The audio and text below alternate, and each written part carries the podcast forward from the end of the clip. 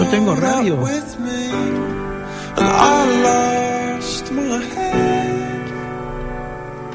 ¿Qué pasa en el radio?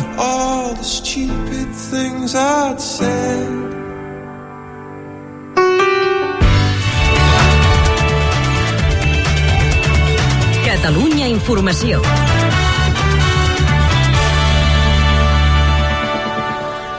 Bona tarda, són les 6. Com tenim el trànsit a aquesta hora, equip diari Catalunya Informació? Bé, doncs amb un rosari, amb un rosari d'accidents que compliquen la circulació. Destaquem els 16 quilòmetres de cua o d'embús que afecta la P7 del Papiol a Gelida, sentit sud, per una col·lisió amb 5 vehicles implicats. Hi ha uns 3 quilòmetres a la P7 a Montroig al Camp, sentit sud, per una topada de 3 turismes, ja els han apartat. 4 quilòmetres a la P7 a l'Ametlla de Mar, sentit sud, un xoc d'un turisme amb una furgoneta i la mateixa P7 també aturada de Mollet a Paret, sentit nord, per un altre accident o l'autovia 2 de Castellbisbal a Brera Santillera per una altra col·lisió. El Tribunal Penal Internacional ha demanat la detenció de Vladimir Putin per crims de guerra. L'acuse de la deportació de milers d'infants ucraïnesos cap a la Federació Russa de forma il·legal. La Fiscalia ucraïnesa ho qualifica de decisió històrica. Rússia diu que no servirà per res. Inestabilitat financera avui arrossega les borses i l'IBEX 35 cau gairebé un 2%. El Banc Central Europeu assegura que les turbulències no afectaran el sistema bancari europeu. Als Estats Units, Joe Biden demana endurir les sancions contra els gestors de les entitats financeres si es demostra que fan fallida per una mala gestió o per assumir riscos excessius. Govern espanyol delegui en el secretari d'Estat per la Unió Europea la seva representació en la Comissió d'Investigació al Parlament Europeu sobre el cas Pegasus. L'últim esborrany de l'agenda d'aquesta delegació, però, no preveu cap compareixença de membres del govern espanyol, ni tampoc del CNI. La direcció de la Universitat Autònoma de Barcelona fa autocrítica, admet que potser no han aconseguit transmetre prou confiança a les víctimes de l'últim cas d'assetjament que afecta el centre. Els alumnes acusen el deganat d'ocultar els fets i de posar traves a les persones afectades perquè no tiressin endavant amb les seves denúncies contra un professor. Presó provisional per l'entrenador de l'equip de futbol femení del Perelló, el Baix Ebre, ja no ho és, per un delicte d'agressió sexual a una noia amb discapacitat intel·lectual. Això ho ha decidit la magistrada del jutjat d'instrucció número 3 de Tortosa.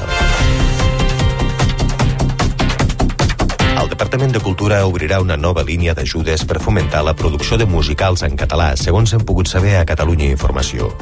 Una notícia que arriba després que el sector hagi demanat més recursos per garantir la continuïtat del gènere aquí a Catalunya. Catalunya Informació. Els esports. El blaugrana Pedri no reapareixerà pel Clàssic i el president Laporta ha declarat que la campanya que estan patint per l'escàndol Negreira busca desestabilitzar el club i quedar-se'l. El blanc i blau José Lu ha entrat a la convocatòria d'Espanya per jugar dos partits del preeuropeu.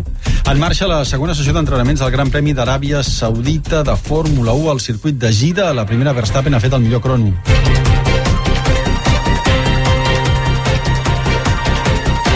força ja ennuvolat arreu, amb nuvolades que aniran guanyant terreny i amb alguns ruixats que cauran a l'Alt Pirineu. Demà les pluges aniran també generalitzant-se pel Pirineu i a les Terres de l'Ebre, mentre que la resta del cel serà variable, però l'ambient més fresc.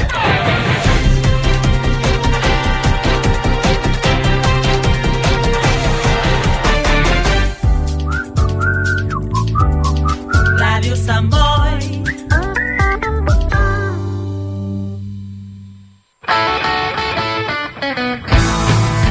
Bor, Tubí, Bar. Viernes de 9 a 10 de la noche tienes una cita con el blues y el rock and roll de la mano del Nervus. El mejor blues y rock and roll en Radio Samboy. Hi, this is George Thorogood, and you're listening to Born to be Bad with Nervous. Aviat faràs 10 anys. Què voldràs? Mm, si només puc treure una cosa, ho tinc clar. Això què més ho necessita? Està molt bé això que dius, però com ho penses fer? Molt fàcil, participant a la Magic Line, que aquest any en fa 10, com jo. I anirem, oi? A la Caminada Solidària de Sant Joan de Déu? I tant que sí. I podran venir els meus amics. A la Magic Line hi té lloc tothom. Inscriu-te a la Magic Line de Sant Joan de Déu i diumenge 26 de març camina per un món millor. Inscripcions a magiclinescjd.org. Ràdio Sant Boi. Més de 40 anys amb tu.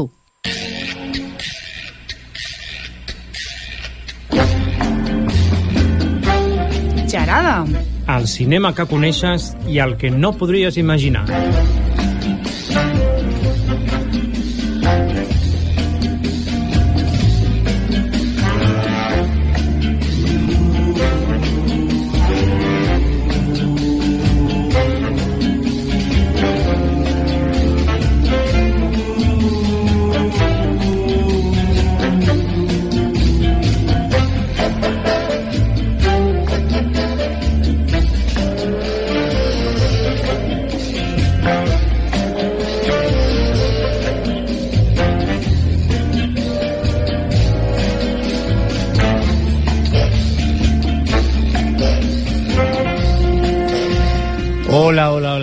Tal? Com estem aquest divendres de cinema? Comença el Xarada, el programa de cinema de el Ràdio Boi. fantàstic programa de cinema de tots els divendres de 6 a 7. Què tal, com esteu? Bona tarda, Joan. Bona què tal? tarda, què tal, Paco, com estem? Gràcies, José Luis, per estar ahí a l'altre. Moltes gràcies, José Luis. doncs començarem, si us sembla, amb les novetats de, Sí. de cinema, eh? Sí. Aquí al Cinema Can Castellet sempre tenim novetats Mm. i, bueno, hi ha alguna... Eh, bueno, una novetat no tan novetat relacionada amb els Òscar, que després Mm. en parlarem, no, Joan? Sí, sí, ara parlarem dels Oscars també, molt interessant. I, bueno, pues comencem per una pel·lícula que jo segurament que el Joan aquí en parlarà, que és esa de Shazam, la Shazam. fúria de los dioses. Bueno, és que també diuen que les segones parts mai són bones, perquè ja es va fer un Shazam, el primer va dir que és de DC, que és l'altre que és la Marvel, eh, aquesta DC és Batman, Superman, Flash, i ara tenim a Shazam, que és un heroi molt antic, un dels primers que va sortir, i és un noi que té uns poders, li dona uns poders, el poder de controlar l'electricitat, el poder de ser molt fort, i s'enfrontarà, suposo, que a los dioses, no? Eh, eh, eh, és- és un, una pel·lículeta així de- de- d'herois només no, no Però que- no és una mica... Le... Tinc la sensació que és una mica de... més còmica, Joan? sí, és més graciosa perquè resulta que és un noi, un jove que rep poders. No hi ha ni els agafa ni els té ni res. Senzillament eh, rep els poders i, i de sobte doncs, eh, que xulo, que guai, mira, puc fer això puc fer jo puc... És, un, de, és un heroi des del punt de vista d'un nen, d'un jove eh, i res més no, ja dic que és la segona part de Shazam de fa de 2017 em sembla i mm, a mi no em fa molta gràcia però bueno, després de saber és que realment Bueno. aquest heroi no em fa gràcia no? Diu que, que, bueno, que és la història del jove Billy Sí. Batson, que... Eh, bueno, que en, eh, diu la paraula que és Shazam, Shazam, Shazam i i es transforma no, en el seu sí, sí, alter sí, ego. perquè aquest còmic és molt antic és gairebé de l'època primera de Superman i molt més tardiu que el Batman més o menys Mhm. Doncs continua... Després a veure si podem recuperar un tràiler, però bueno, Mm. no passa res, però que tenim un tràiler, però eh, igual després lo recuperem. Tenim també també una altra pel·lícula que és Scream 6. Scream 6, bueno, ja- continua, continua, Continua, la saga. cont- content com Sau, per exemple, com Resident Evil, 1, 2, 3, 4. Eh, què és important en aquestes pel·lícules? Més espectacle, més morts, més sang i més incògnites de qui és eh, l'assassí. I sabem que aquests tipus de pel·lícules de Scream eh, són telefòniques, bé, es agafa el telèfon, abans serà fixa, ara serà mòbil, suposo, que les coses avancen, i mai saps si serà eh, eh, qui matarà, no? Si és un amic, si és un company, eh, podem dir que això és un personatge que porta una màscara mm, de calavera amb una, amb una caputxa i normalment és, és un, qualsevol dels que hi ha a la pel·lícula pot ser l'assassí la cosa és averiguar qui és l'assassí abans que et mati no? i és prou interessant ja dic és com Sau per exemple que porta 8 capítols eh, Resident Evil també porta els seus capítols i és arribar en un moment de que tot eh, s'emboliqui, es trastoqui i ningú confia en ningú perquè potser és el proper que morirà. Eh, bueno, eh, hem, també tenim altres eh, estrenes que ja hem parlat d'ell, eh, Creed 3, que tracta del bussejador aquest negre que va lluitar contra eh, el, el, el, el en Rocky, i tracta de sigui, la, la, la típica aventura dels eh, eh, boxejadors, com creixen, com maduren, que arriben a l'èxit i finalment doncs, eh, eh, també si passa alguna desgràcia i arriben a, a caure en desgràcia també, no? Eh, és la tercera part del crit. També tenim Mòmies, que és una pel·lícula d'animació molt divertida, que són mòmies que apareixen a, a Londres i té una sèrie d'aventures, és d'animació i dura 28 minuts, pot ser interessant. També hi ha Maridos, per exemple, que tracta d'una persona que té un accident, una dona té un accident, i criden al seu espòs. I resulta que hi ha dues persones que responen per la mateixa, per, la mateixa dona i llavors eh, eh, hi ha el dubte, no? Com és que van passar el tràiler que com el, el, hi ha un marit que diu, és es que ella és així, ella és així, ella és així, i es veu que no sabíem que s'han casat amb la mateixa persona, amb la mateixa, amb la mateixa dona. sí. Bueno, pues no sé si ja... No, falta la... la bueno, la, falta la, la, la, la principal. La, la que ha tornat una altra vegada, no, Joan? Després de, de guanyar els Oscars, mm. eh, pues eh, todo a la vez en todas partes. En todas partes. Bueno, jo mm. la vaig, va guanyar set Oscars. Set Oscars. Jo la vaig intentar veure, la pel·lícula, i realment mm, a mi no em va agradar, ho, ho sento, eh? Mm la vaig tindre de deixar a los 20 minuts de la pel·lícula digo, no sé si era el moment, la hora claro, era en casa, igual si vaig al cinema mm. igual te crea el estar allà és lo que té, no?, les plataformes mm. a mi el que passa és que també jo dono mitja hora a la pel·lícula i a veure si m'enganxa, no? Si veig que no m'enganxa, i ara sí que fora, la deixo, fora. fora. I Però tu... aquesta és molt estranya perquè eh, barreja mm, moments de temps amb, amb, amb temps paral·lels, coses que passen. Jo he vist algun tràiler i m'ha sobtat molt, a mi suposo que m'agradarà molt perquè aquestes coses m'encanten, però molt estranya, no? I sobretot per guanyar l'Oscar, jo no la veig per guanyar l'Oscar. Ja. Perquè el és que, com hem parlat abans, que és eh, un cinema independent, no? I últimament l'independent, com sempre fa dos anys a Roma, la de Roma, etc que van guanyant, o sigui, les grans multinacionals, les grans Universal i tal, i Paramount i tal, no, es veu que no, es, van més encara de pel·lícules amb poc pressupost, però que es veu que enganxar gent. Bueno, pues no sé, eh, per a la gent que li agradi, pues que vagi. Mira, a vegades mm. no, no, no podem estar sempre d'acord amb, amb les pel·lícules que guanyin, no? No. Pues hem recuperat el tràiler de Shazam. Anem Ah. a veure si lo podem escoltar. Adelante, vídeo.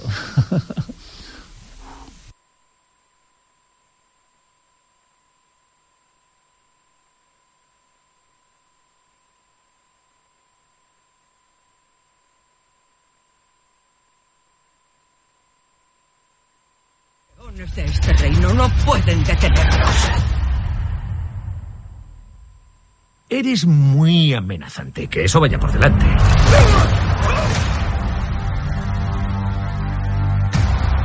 Las cosas han cambiado mucho en los últimos años. Un mago me dio superpoderes. Y ahora todos tienen superpoderes. Bien, esta es la situación. Las hijas de Alas van a venir a por nosotros. Unos niños se hicieron con el poder de los dioses. Tú se lo arrebataste a nuestro padre. Creo que debería apuntar todo esto. Danos los poderes, muchacho. Vuestro mundo no sobrevivirá a esto. ¿Quieres estos poderes? ¡Ven a por ellos! ¡Eh, Calés!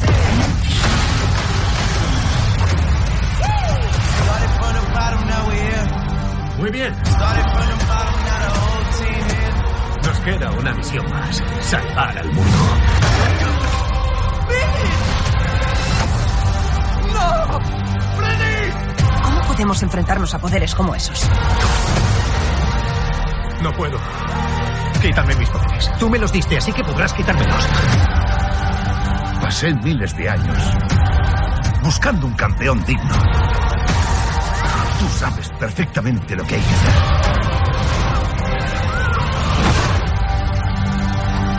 Billy, ¿qué vas a hacer, tío? Tengo que hacerlo. ¡Acabemos con esto!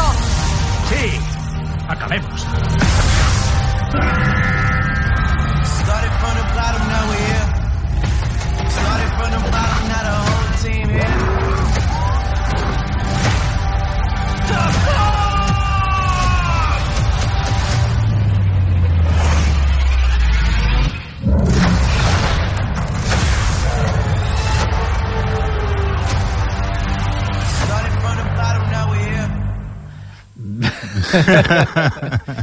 Final èpico. Eh. A mi em sobta molt que sempre que la, hi ha una segona part sempre va a les arregles del personatge, no? Mhm. eh, d'on d'on rep els poders, d'on han tret els poders, d'on, com li han donat els poders. O sigui, primer te'l presenten, i l'impacte, la primera part, la primera pel·lícula, i la segona sempre, normalment, és quan expliquen el passat, no? O per Mhm. què sorgeix aquest personatge. Bueno, doncs aquí teniu la programació de les novetats de Cinemes Can Castellet, que després en parlarem amb una persona també que ens parlarà dels doc documentals, eh? després a i mitja intentarem trucar-lo, però abans vull parlar d'un altre estreno que, que avui també, de, són aquelles a mi m'agrada. Tu te'n recordes, mm, Joan, de L'Hombre i la Tierra? Hombre, pero eso te da la fuente. Tan, tan, tan, tan, tan, tan, tan, tan. Bueno, doncs con, se, con, es continuen fent documentals Molt, eh, i ara avui s'estrena a les carteleres a Madrid, a Barcelona, Iberia, la naturaleza infinita, de Arturo Menor i explica la història d'un àguila eh, real que és expulsat del seu territori i que busca, bueno, d'alguna manera la supervivència a la península ibèrica. I Home, va, això de l'Àguila Real no m'agrada gaire, però bueno, recordo aquestes coses. Però sí, sí, sí. sí. va des de la zona del Cantàbric cap a la zona més de, bueno, de, Del sud. del Bètic, de la Bètica, Mm. no? I, bueno, es, es, tenen moltes imatges molt boniques, però també es parla del, dels, dels ossos, dels Mm. quebrantahuesos, dels urogallos, dels, Home, bueno, de diferents animals Hi ha una també. pel·lícula de Jack que és El oso, te'n recordaràs? Ah, sí, uf, Era sí. molt bona aquesta pel·lícula, Sí. perquè traia mossos de, re- de, re- reals, no? Com cre creixia un, unos osses, no? Però els ossos eren eh, com la mare i tal. Mm. Era, em sembla que va ser des, molt després del nom de la Rosa. Mm. I va ser, espectac- que ja Jack Analt m'encanta, perquè és un director increïble. Doncs sí, eh, eh, bueno, aquesta pel·lícula seria no tan a aquest nivell tan sub subjectiu com l'oso, però sí que hi ha alguns, alguns elements i bueno, sempre has d'agrair que també la música que es fa en aquestes pel·lícules també són maques i hem portat aquí el tràiler mm. i adelante maestro, el tràiler.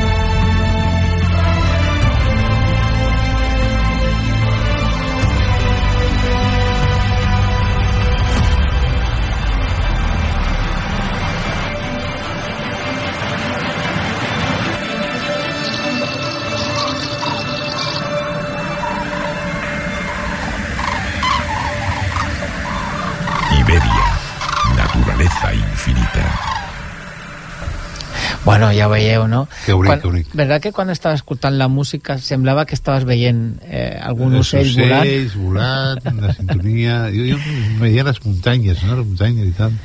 Pues ara comencem les, les sèries en sèrio, no, Joan? Sintonia. A veure què sona.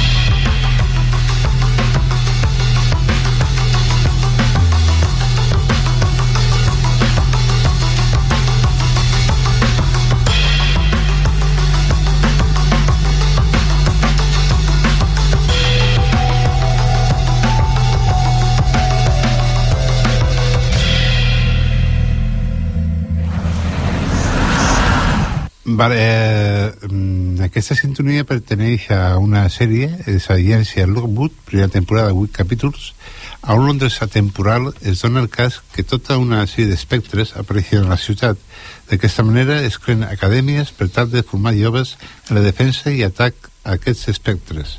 La protagonista entra en una d'aquestes acadèmies esforçant-se al màxim per ser la millor. Té la qualitat de poder escoltar els espectres però un error fatal li farà fora de l'acadèmia. Així marxa a Londres per entrar a les millors acadèmies, però li és impossible. Mirant un diari veu l'anunci d'una nova agència, la Lockwood, però formada només per dos joves. A partir d'aquest moment començarà a tenir a partir d'aquest moment començarà a tenir les aventures més arriscades i al·lucinants. Una altra que podem comentar també és del western, perquè últimament fan moltes de western, com eh, The Angry eh, i moltíssimes sèries de, del western que estan fent ara mateix. Per exemple, aquesta és la cabeza de Joaquín Morrieta, primera temporada, 8 capítol.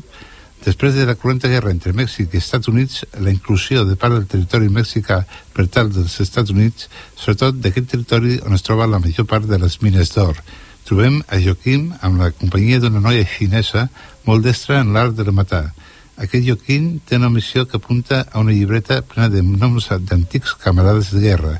A uns els dona diners per haver-los fet mal i altres que perseguirà per el fet d'haver-li fet algun mal a ell.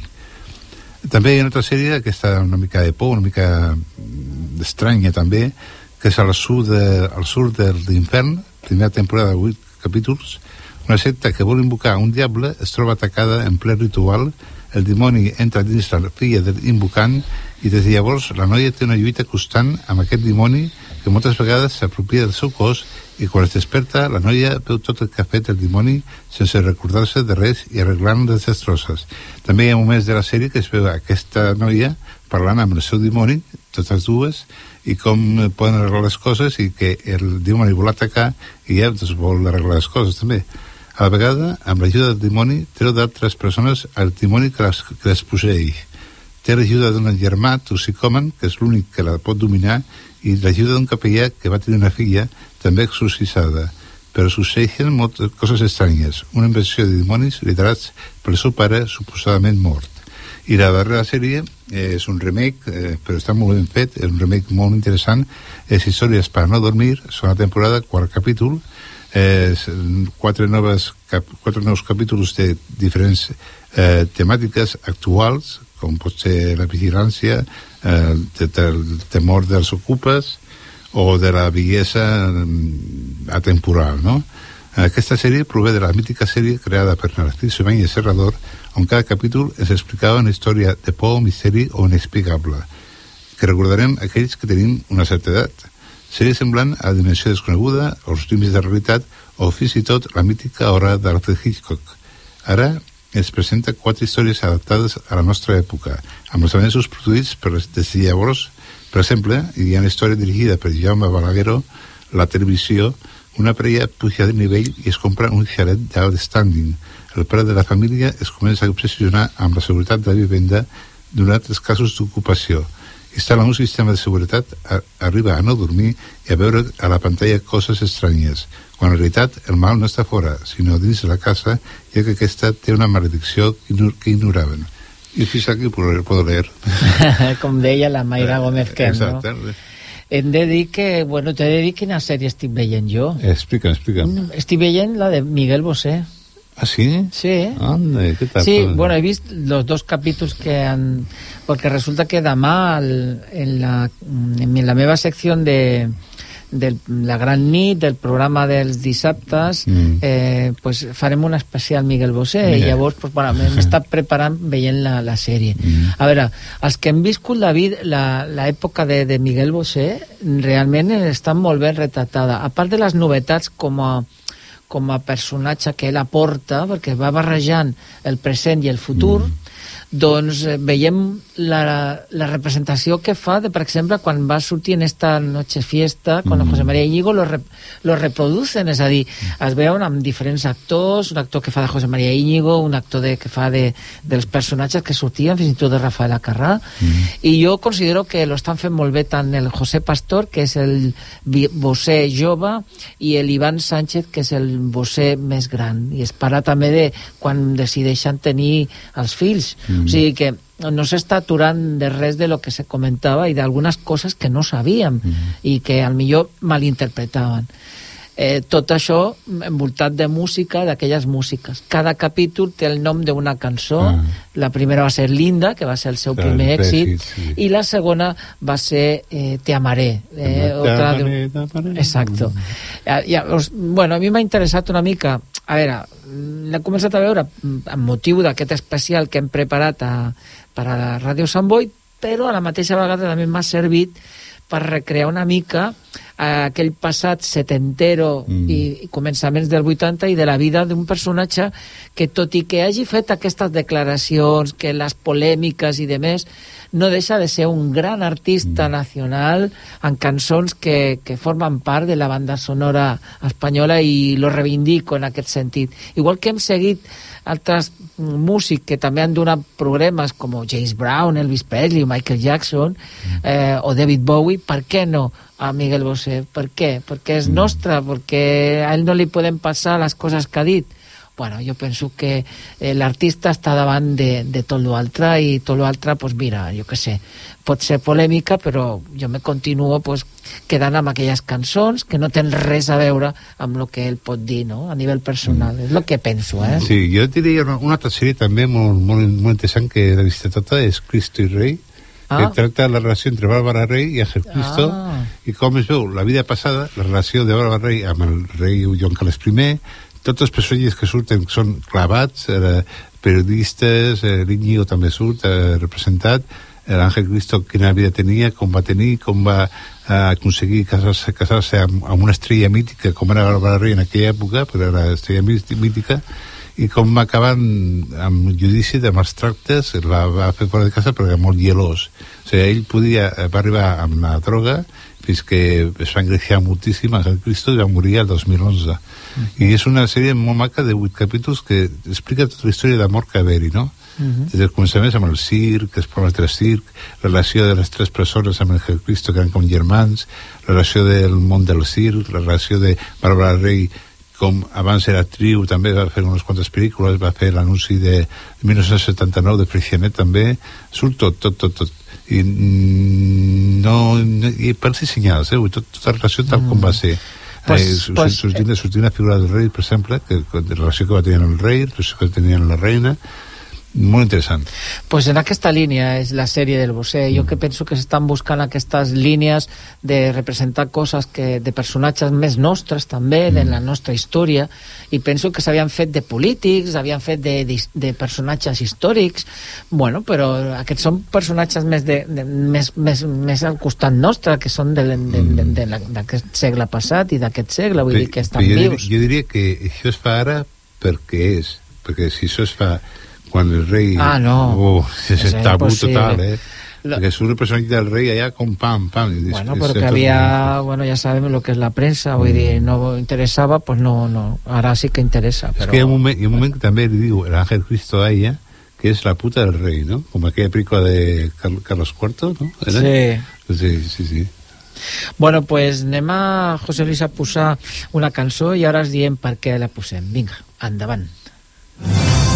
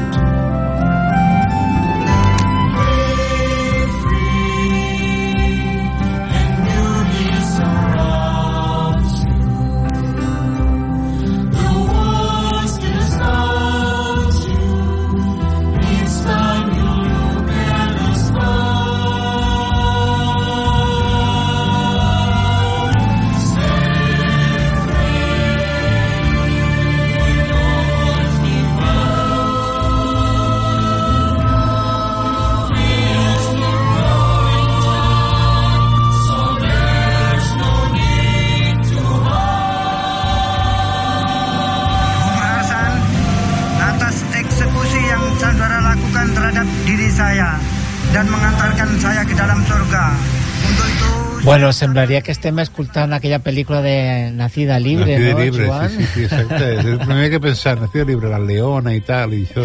Doncs no. Sí, sí, no, no. no és la pel·lícula, és un documental, un documental que, bueno, pues eh, ara nos lo explicarà en Martí Atance, que és del Cinemes Can Casteller, que és el programador dels documentals de la secció Docs per tu, i que ens ve a presentar pues, aquest documental que podeu veure aquesta propera setmana. I saludem al Martí. Bona tarda, Martí. Bona tarda, què tal? Hola, bona tarda, com esteu? Hola. pues molt bé, molt contents i esperant que ens informés i que ens diguis quina informació tenim d'aquest documental que s'estrenarà el proper dia 21 de març a dues hores, a les 5 i a les 9 de la tarda. A les 9 de la nit, perdó. Sí, sí, sí, així és. El, el dimarts 21 de març presentem The Act of Killing, un documental que potser molts ja coneixeu perquè realment ho va, ho va patar molt fort, com, com es diu així vulgarment, i, i bé, aquest documental eh, ens parla del cop d'estat que va haver el 1956, el cop d'estat militar que va fer el general Charto a Indonèsia, llavors seguidament va, van arribar els genocidis eh, cap als eh, comunistes, que els quals van ser assassinats de forma molt bèstia, Llavors el que fa la pel·lícula és que agafa dos personatges, que són eh, els anomenats dos gàngsters, que són dos mercenaris totalment sanguinis, que decideixen participar a aquesta pel·lícula recreant els crims que havien fet eh, mig segle abans amb, amb els comunistes. I és amb una frivolitat que, que ni tu creus com a espectador. Además, és, és increïble perquè eh, per lo que sabem és que els mateixos mafiosos o assassins són els mateixos protagonistes i recreen eh, com, com mataven a la gent. Vull dir que és molt, molt crua eh, aquesta situació. Per això va tindre moltes crítiques, no?, el documental, en aquest sentit. Sí, sí, sí. Sí, sí, clar, perquè més ja no és que, que ho recreïn, sinó que, que accepten de cara a la, a la càmera di- directament que ells van fer aquests assassinats i no se n'arrepenteixen d'absolutament res. I llavors es va decidir fer aquest documental i bé, quan va sortir, quan va sortir a la gran pantalla ho va, ho va patar, va estar nominat a l'Oscar, va guanyar eh, el cine europeu a millor documental, va guanyar el BAFTA, va guanyar el GOT, vull dir, s'ho van portar quasi tot aquell any. Ahà. Sí, sí. I a més la, la cançó que, que hem escoltat és una recreació que ells fan a mi m'ha fet molta gràcia veure aquesta imatge perquè en el fons ells eh, són, seguien molt la, les, el cinema de gàngster i els musicals o sigui que era una barreja i és molt, molt, molt, molt hortera, vull dir, la representació que es deia en aquella època, però bueno, impactant, ¿no? Com, com dos persones volen ser humanes, entre, com dient, no, si somos personas normales, ¿no?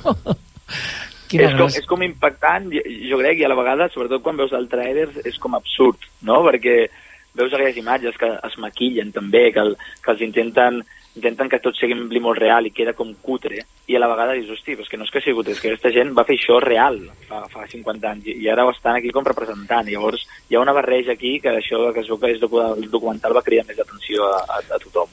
I a més crec que, que van escriure fins i tot ells els guions, no?, d'algunes parts del, Sí, del sí. documental.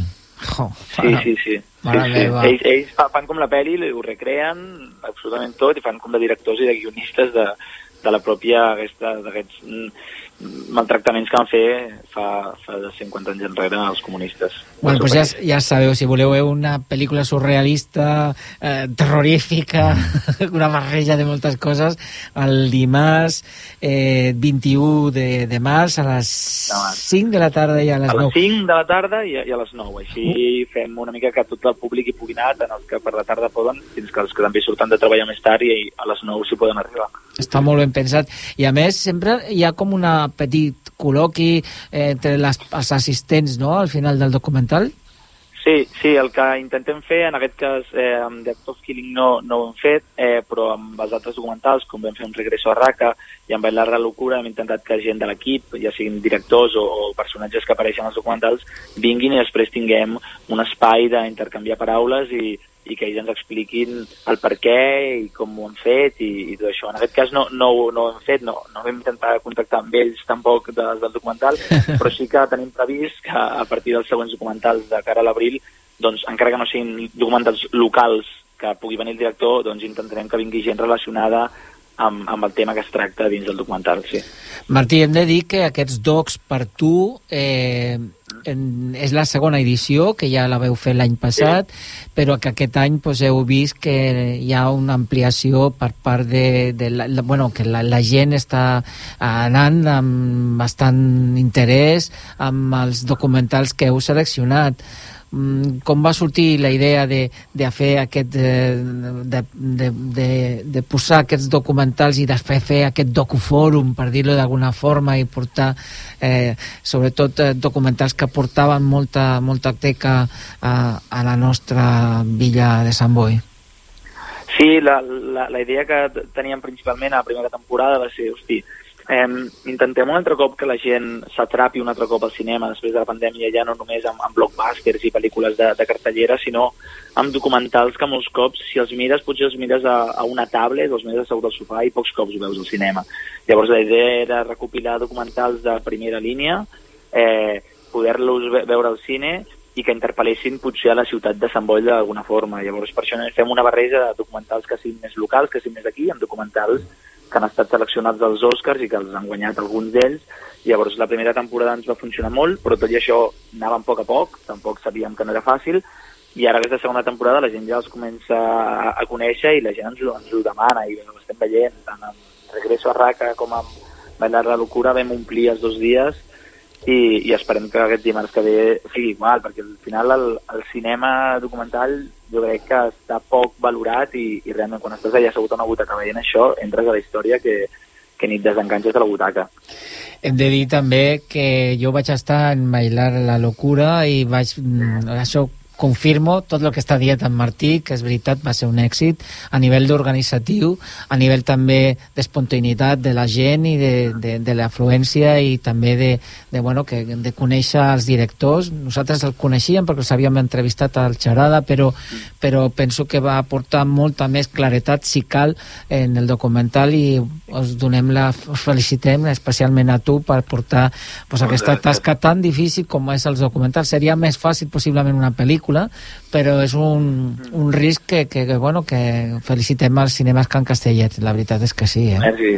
Sí, al final és això, és, és tirar-se de la moto, saber que possiblement també podria vendre malament i que no vingués ningú, però ja que arrisques i quan arrisques i la gent et respon, bueno, i, i es creen moments com el que tu, Paco, vas viure allà, que era un espai de pregunta-resposta i un espai segur on tothom es sentia còmode i tal, Sí. jo crec que va ser molt xulo i per això també intentem, ja us dic, en aquest cas no, no ho hem fet, però que de normal després hi hagi una zona on tu puguis estar parlant i comentant i si més no després a la sala 6 puguis potser fer una cervesa o un cafè o tal i, i parlar del, del que has vist allà a la pantalla perquè clar, quan surts un documental ho vols comentar més que potser quan surts a veure una pel·lícula de Marvel, dic jo. Eh? Sí, totalment, el Shazam.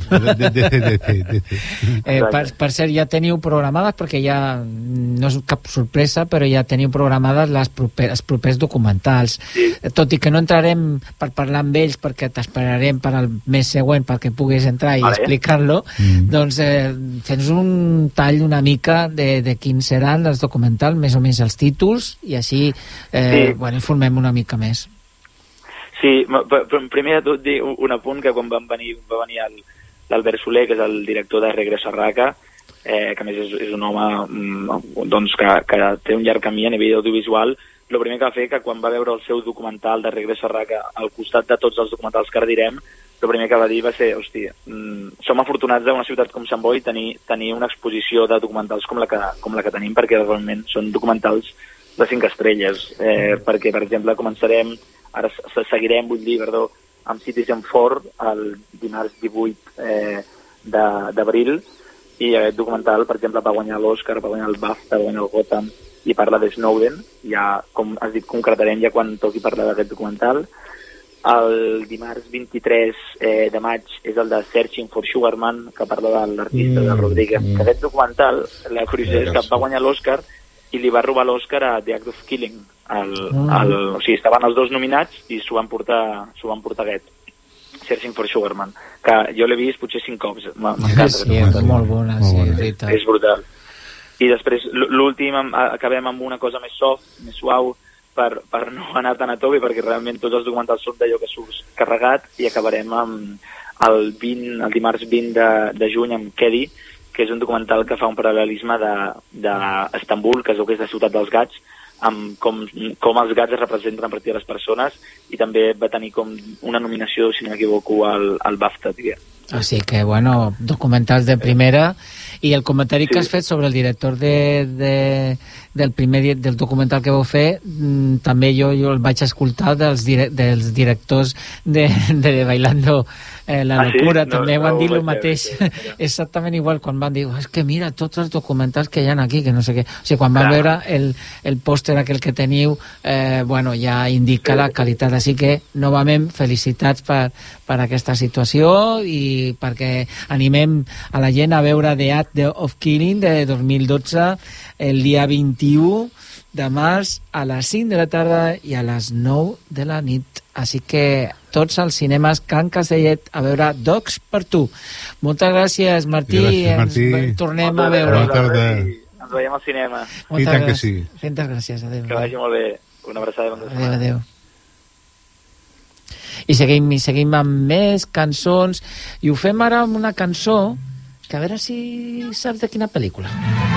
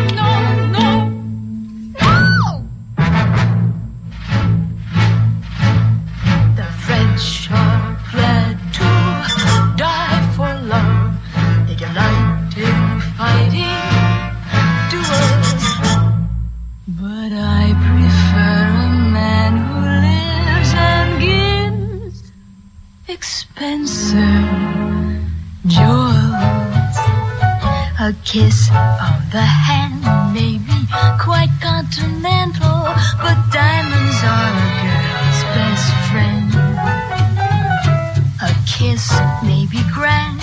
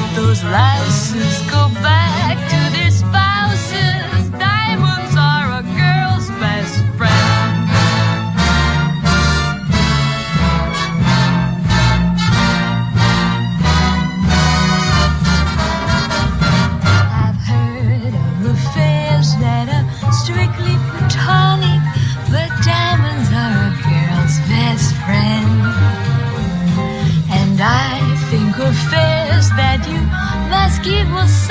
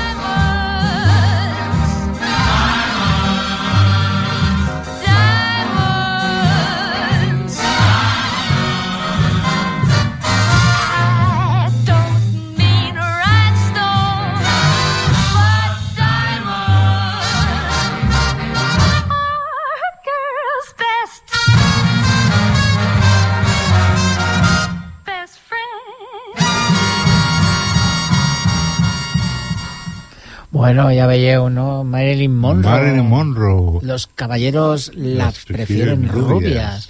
Y es porque es una película de 1953 y pues se celebran, pues Mm. si no se, se contar 70 anys, no? 70 anys ja, encara. 70 anys. En- 70 anys ja aquí. Eh, I el que volia comentar és que aquesta, que aquest número musical és un dels més imitats que han imitat les dones Sí. d'arreu del món. Sí. Des d'aquí a Espanya han, han imitat moltíssimes actrius. Pues mira, Eh, desde Miriam Díaz de Aroca, Sí, sí, sí. Silvia Tortosa, Norma Duval, sí, sí, moltes, etcètera, sí, moltes. moltes. I a més s'ha de dir que no és una pel·lícula original en el sentit de que està basada en una novel·la i en un musical que ja existia. Mm. El que passa que sí que van ampliar els números musicals. I aquest, mm, aquesta, aquesta cançó, per exemple, no, no tenia mo massa fe en que Marilyn Monroe, Monroe pogués cantar. Monroe. I es van buscar fins i tot algunes dobles, però al final van decidir que ella. Però hi han dos coses que no està cantada per ella. Quan comença ese no, no, no, no, Sí, sí, no és ella. no, sí. Y luego una altra cosa que ya aquí no, ya no la he identificat, però eh, tant la Marilyn Monroe com la Jane Russell Mm. doncs, mm, bueno, eh, tenien problemes a l'hora de, de cantar, lògicament no eren cantants, però al final van acceptar. Si era como bailando bajo la lluvia. Bueno, més o menys. Con va cinema sonor. Lo que pasa es que al comenzamiento recordaba como una mena entre eh, sonrisas y lágrimas y Sí. Cenicienta, eh? Sí, sí. Estàs des t'has descol·locat una mica, perquè dic, eh, eh, semblava Cenicienta, eh? però no, no. I també s'ha de dir que és una banda sonora és la primera banda sonora que va signar la Metro Golden Mayer. A dir, la primer, el primer àlbum que va editar com a productora cinematogràfica, en aquest cas de discos, va ser aquesta, la banda sonora d'aquesta pel·lícula. I bueno, va guanyar no va guanyar res, no va Res, tindre premis en aquella època, però Howard Hawks, que és el seu director, pues va fer pel·lícules bueno, començament va fer pel·lícules mudes, moltes pel·lícules Sí, sí. de l'època muda, i després va fer pel·lícules més de l'oest, per exemple, Atari o, Atari. o Río, Río Río Bravo. El Dorado, bueno, un, un Clàssics, senyor... Clàssics, clàssics. I tu m'estaves dient que, Sí, sí. parlant de Marilyn Monroe, que has vist la famosa sèrie per Blonde. la que no, Ana no, de no, Armas- no, no, és una pel·lícula. No, la...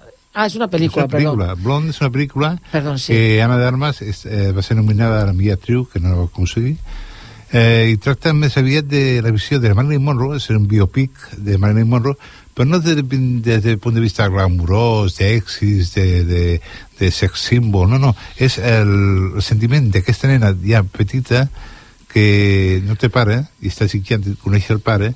La mare descriu un pare fictici que ella es creu que és el seu pare. La mare té els trastorns mentals que els la porten a fer bogeries i finalment doncs, eh, es, es, es va un col·legi, eh, surt d'allà i es veu com els maltractes sexuals de directors, de productors, com es volen, eh, ella es vol ficar al cinema i ja abusen completament d'ella. I després veu com els marits que va tenir, el primer marit, que la maltracta, la pega i tot, a l'altre que va tenir, eh, no recordo els noms, que ella volia formar una família, volia ser feliç, perquè ella volia treure la soledat, era, tenia molt, molt sentiment de soledat, de, de no tenia ningú a qui estimar, la falta del pare, la mare que estava malament, i es va casar amb, amb un... em sembla que era un guionista, no sé qui era, però bueno, eh, va tenir un fill, però es veu que hi ha un problema, cau i el perd. I llavors aquest trastorn de soledat és pitjor encara. I llavors comença a prendre medicacions, comença pastilles, alcohol, i realment el que es va ser la pel·lícula és eh, subjectivament com, com patia ella, més aviat de l'èxit de, de les pel·lícules i tal, i com ella mateixa doncs, veu el moment de que finalment suïcidar-se sola, perquè es troba molt sola, molt desemparada, i no té felicitat. Bàsicament això. També hem de dir que, que no sé si sortirà la seva no sé, relació amb el Kennedy o, no Sí, sé, sí, també surt, sí, sí, surt de, que la, la crida al Kennedy perquè vagi al llit amb ella i al matí següent diu fora, mira, marxa tal i, i és, és sent bruta, no? perquè ell ja vol la relació amb el president però aquest president l'utilitza com, com una prostituta, diguéssim, una prostituta de Mhm. luxe, no? Dir, vinga, fora, doncs ja està, s'ha acabat, no vull relacions amb tu, no vull cap problema, i la treu per la porta del darrere. Ja, ja, ja. Eh, va, ser, va ser realment si, eh, una vida molt trista, molt solitària, i ella buscava l'amor, l'amor d'un pare, l'amor d'un home, no?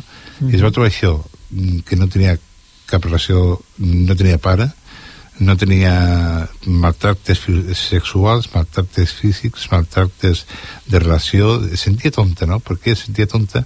Perquè no sabia de què parlar. I en canvi, amb aquest director i aquest jurista, doncs se sentia rebutjada, no? Perquè se, se, se, se, deia, Com inferior, no? Sí, inferior, perquè sí, sí, tinc molta fama, però més, més m'estimen per la meva cara. Bueno, no, no, no, no veuen el meu interior. I sempre està patint, patint i patint i patint. És una, és una història molt maca, perquè és molt subjectiva i no és la típica de Marilyn Monroe amb joies i glamurós, no. És tota part interna d'aquesta Marilyn.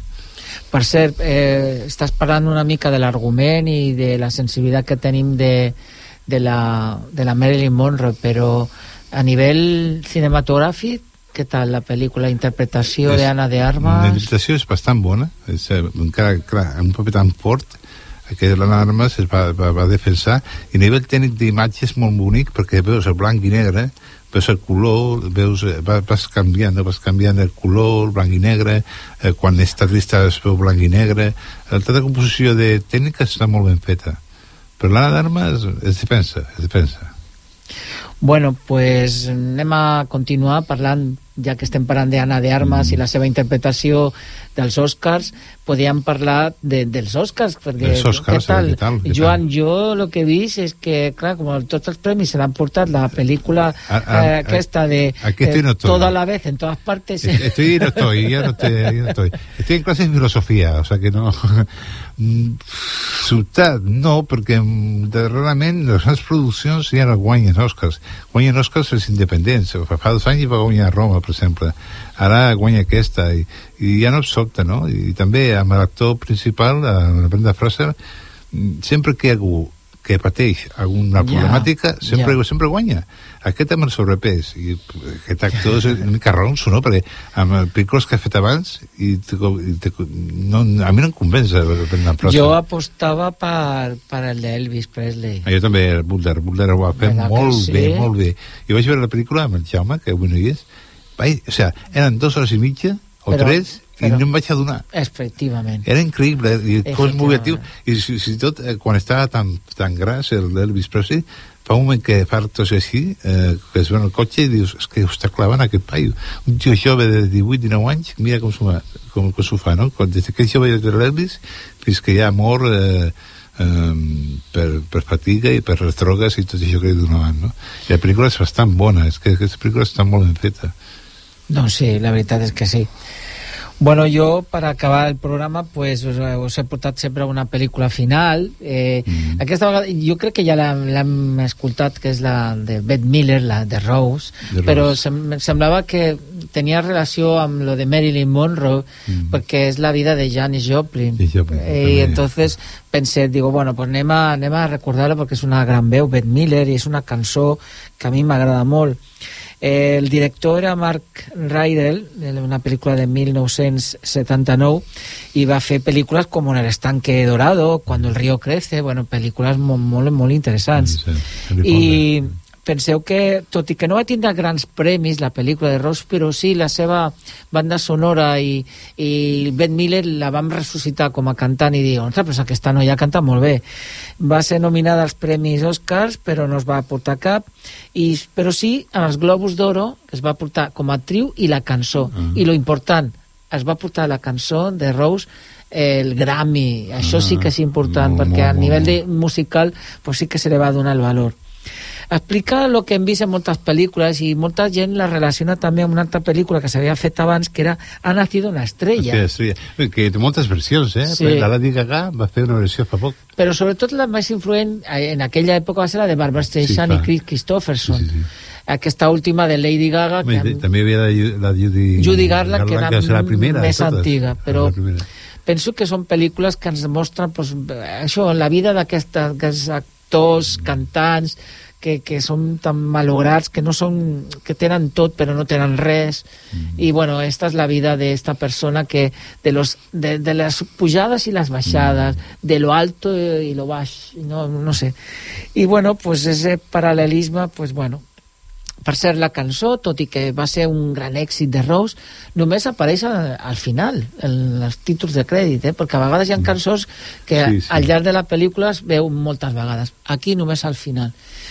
I bueno, si, si, sembla, si us sembla bé, doncs anem a, anem a escoltar aquesta cançó per acomiadar-nos, és la de Beth Miller de Rose, i ens acomiadem i ens esperem per la propera setmana, ¿no? La semana que ve, amics. Gracias, José Luis, gracias, Fernando. Es esto, es esto amigos. Que hoy, hoy nos hemos ganado el pan. Hemos ganado el pan ¿eh? Venga, de Rose.